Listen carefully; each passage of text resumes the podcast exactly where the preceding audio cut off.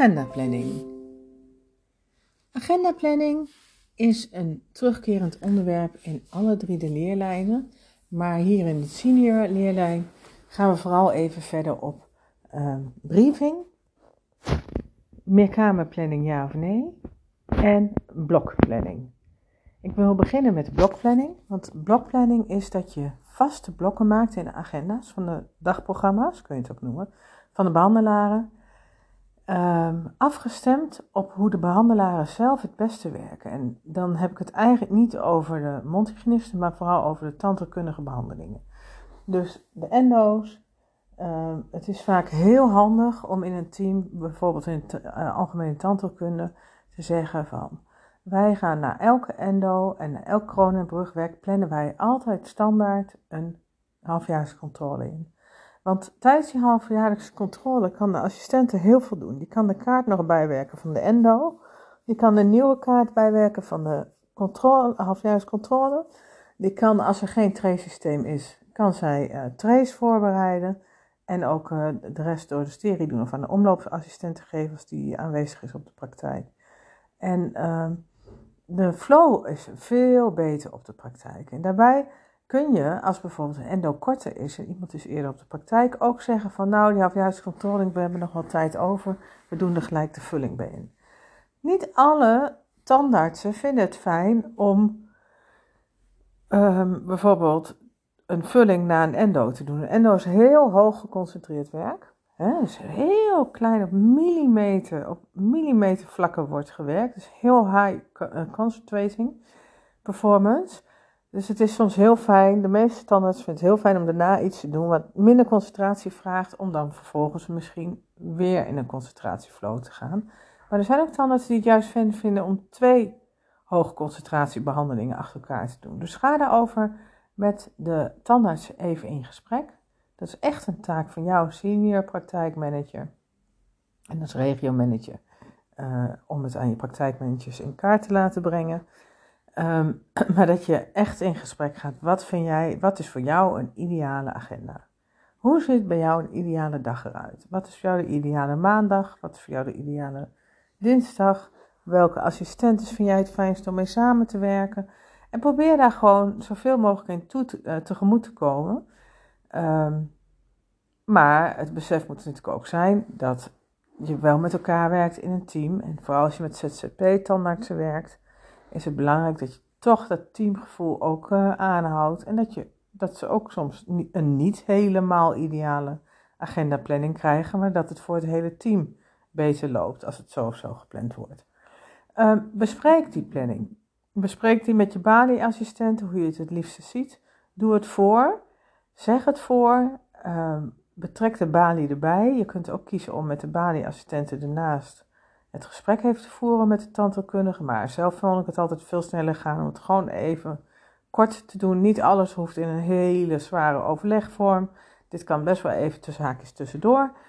En um, je kunt het ook even appen van wil je even nadenken wat jij nou eigenlijk een ideale behandeldag vindt. Daar ben ik echt heel benieuwd naar. Zullen we er volgende week even voor gaan zitten, 10 minuutjes. Dat kan ook een mooie aanvliegroute zijn. Dat is even aan jou wat jij prettig vindt en hoe het op jouw praktijk eigenlijk het uh, makkelijkste loopt. Maar ga wel om de tafel. Ga wel met die tandheelkundige om de tafel. Wat is jouw ideale behandeldag? Wat ook belangrijk is met agendaplanning is dus dat je blokken maakt voor pijnklachten. Het is een beetje afhankelijk van hoeveel pijnklachten er ongeveer gemiddeld zijn op de praktijk. Breng dat in kaart. Dat kun je heel goed uh, even uitdraaien. Zit in elk systeem, zoals skis en zo, kun je gewoon kijken Zoveel pijnklachten zijn deze week gepland. Als je het niet weet, laat je even of de banieassistent of je doet het zelf even naar de uh, provider bellen. En dan kunnen zij het voor jou uh, uitleggen hoe je daar komt. Kunnen ze even met je mee in de computer, kunnen ze het voordoen voor je. Zorg echt dat je daarin uh, handig wordt. Zo is Vetty Mart bijvoorbeeld, die is echt super meedenkend altijd. Die gaat gewoon met je mee, met Teamviewer. En die kijkt mee en die doet je voor daar en daar vind je dat of dat. Maak gewoon uitdraaien voor jezelf. En breng in kader hoeveel pijnklachten zijn er op een praktijk. Wat is nou eigenlijk de omzet op een praktijk? Op een dag, op een goede maandag, op een goede woensdag. Of, hè? Hoe, hoeveel wordt er nou eigenlijk gedraaid in de avonduren als je s'avonds open bent in het weekend? Als praktijkmanager zorg ervoor dat je dat in kaart hebt. En dat je daar een, ja, dat je dat pakbaar hebt voor jezelf. In ieder geval, een pijnklachtenblok is dus heel belangrijk om te hebben in je agenda's. Want dan weet iedereen, s ochtends om 11 uur en smiddags bijvoorbeeld om half 4, is een half uur standaard ingepland voor ad hoc behandelingen. Die komen altijd voor op een praktijk. Het kan ook zijn dat een behandeling eigenlijk wat uitloopt, of dat een tandarts zegt: Oh, ik wil eigenlijk bij deze patiënt nog een vulling plaatsen. Laat haar dan terugkomen in de pijnklachtenblok of schuif daarmee door de balie te laten zien: Kijk, daar zit de pijnklacht, daar hebben we een half uur de tijd. Plan dat echt structureel in in de agenda. Dat voorkomt namelijk ad hoc behandelingen. Dat voorkomt nog snel even tussendoor patiënten. En dat voorkomt gewoon ellenlange uitloop. Er hoeft niet veel uitgelopen te worden als je goed plant. En een flow is echt heel belangrijk op een praktijk. Daar weet je natuurlijk alles van. Dus uh, die flow, hou die erin, breng die erin door gewoon die blokplanning aan te pakken. Nou, nog de meerkamerplanning. Meerkamerplanning, dat is iets wat gewoon niet elke tandarts prettig vindt. En uh, soms kun je zeggen als praktijk, ja, dat doen wij gewoon. En uh, tandartsen moeten daaraan conformeren. Maar er zijn echt tandartsen die het heel vervelend vinden, die daardoor zelf niet in een lekkere ritme komen. En dan kun je afvragen of die meerkamerplanning wel zo handig is voor je tandarts. Bekijk dat echt per behandelaar. Behandelaren, goede behandelaren die gecommitteerd zijn aan je praktijk, die zijn echt best moeilijk om te krijgen. En die commitment, die krijg je van ze als je dit soort, ja, zeg maar, service op maat biedt. Van wat vind je nou fijn? Nou, meerkamerplanning is bijvoorbeeld dat een tandarts op meerdere kamers tegelijk aan het behandelen is. Dat kan alleen als de assistenten zelf ook best veel willen en kunnen doen. En vaak is dat heel erg leuk voor assistenten die langer werken, want zo op die manier krijgen ze gewoon meer verantwoordelijkheden. Stel je voor, op kamer 1 is een halfjaarse controle. De patiënt komt binnen, de tandarts is er nog niet.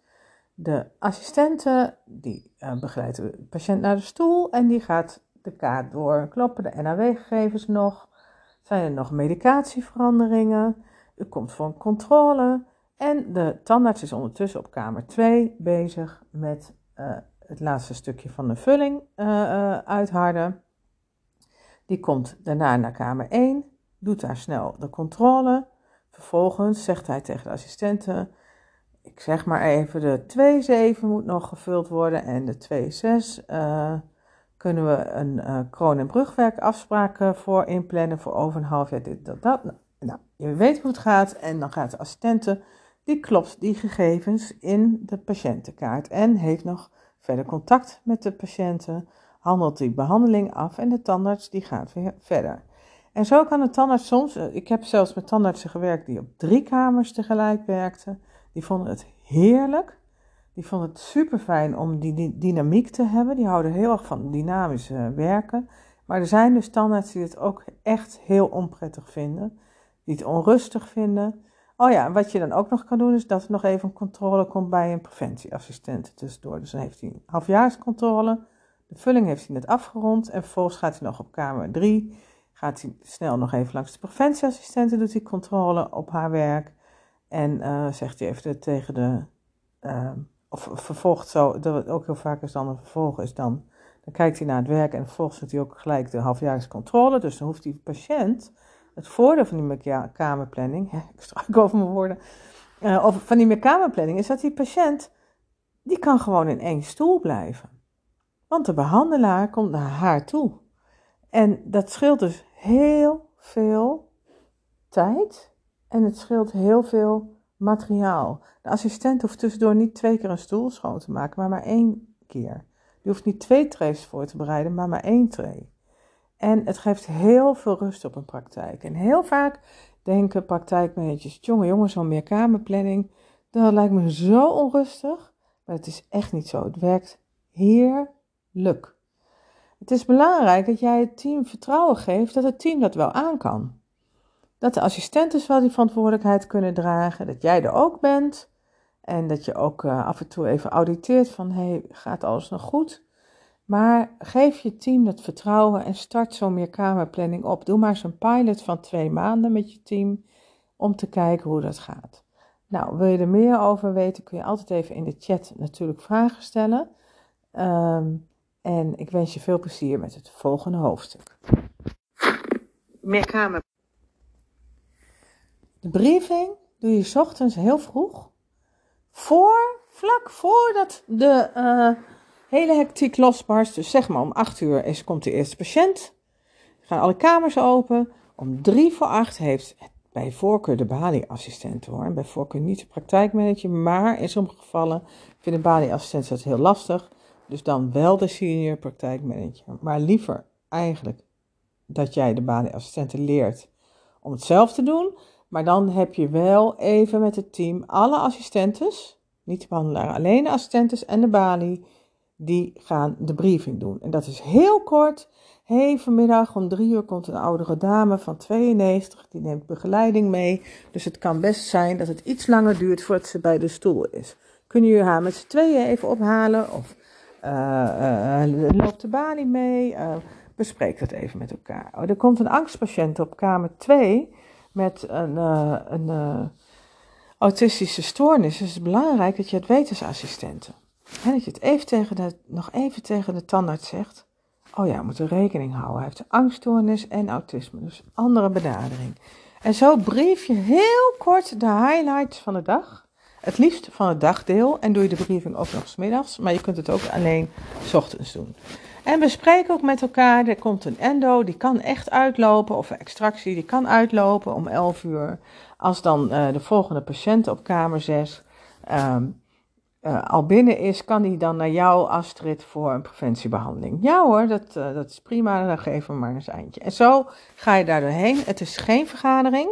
Het is eigenlijk alleen maar zenden. Het is niet ook veel ontvangen. Het is vooral zenden van de balie met jouw steun. En uh, waarin even duidelijk wordt gemaakt: jongens, hier werken we vandaag aan. Deze patiënten komen er. En hier is misschien wat extra hulp nodig. Of uh, hier kunnen knelpunten komen in de omloop. Dus uh, als je merkt dat er wat vertraging komt, even handen uit de mouwen.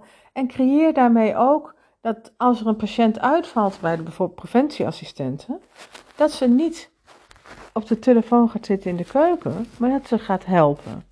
Dat ze of weet dat ze kan helpen op kamer 6, of dat ze weet dat ze kan helpen in de omloop, of dat ze weet dat ze dan bij de balie kan helpen met bijvoorbeeld uh, uitbellen. Maar zorg, bespreek dat heel kort ochtends. Als die patiënt uitvalt, die valt vaker uit, dan kun je uh, Astrid gaan helpen. Of, nou, dat is de briefing, de dagstart wordt het ook wel eens genomen. Ik heb zelf de briefings verzonnen, tien jaar geleden. En er zijn heel veel praktijken die er al mee werken. Het is super fijn, het is ook leuk. Je zit heel even bij elkaar en dan daarna, hup, go. En dat doen, uh, dat doen ook basketbalteams. Dat doen, iedereen doet dat altijd heel kort. Jongens, dit is de focus van de dagdeel. En we gaan lekker een mooie werkdag maken met elkaar. Dat is eigenlijk de kern. En ook dat je elkaar weet te vinden. Dat je elkaar weet te vinden. Hoe ging het met die patiënt? Was hij nog agressief? Of, uh, dat is hartstikke leuk. Dat creëert betrokkenheid in je team. En het versnelt en het geeft een goede flow. Dus begin met die dagstarten. Begin met die briefings.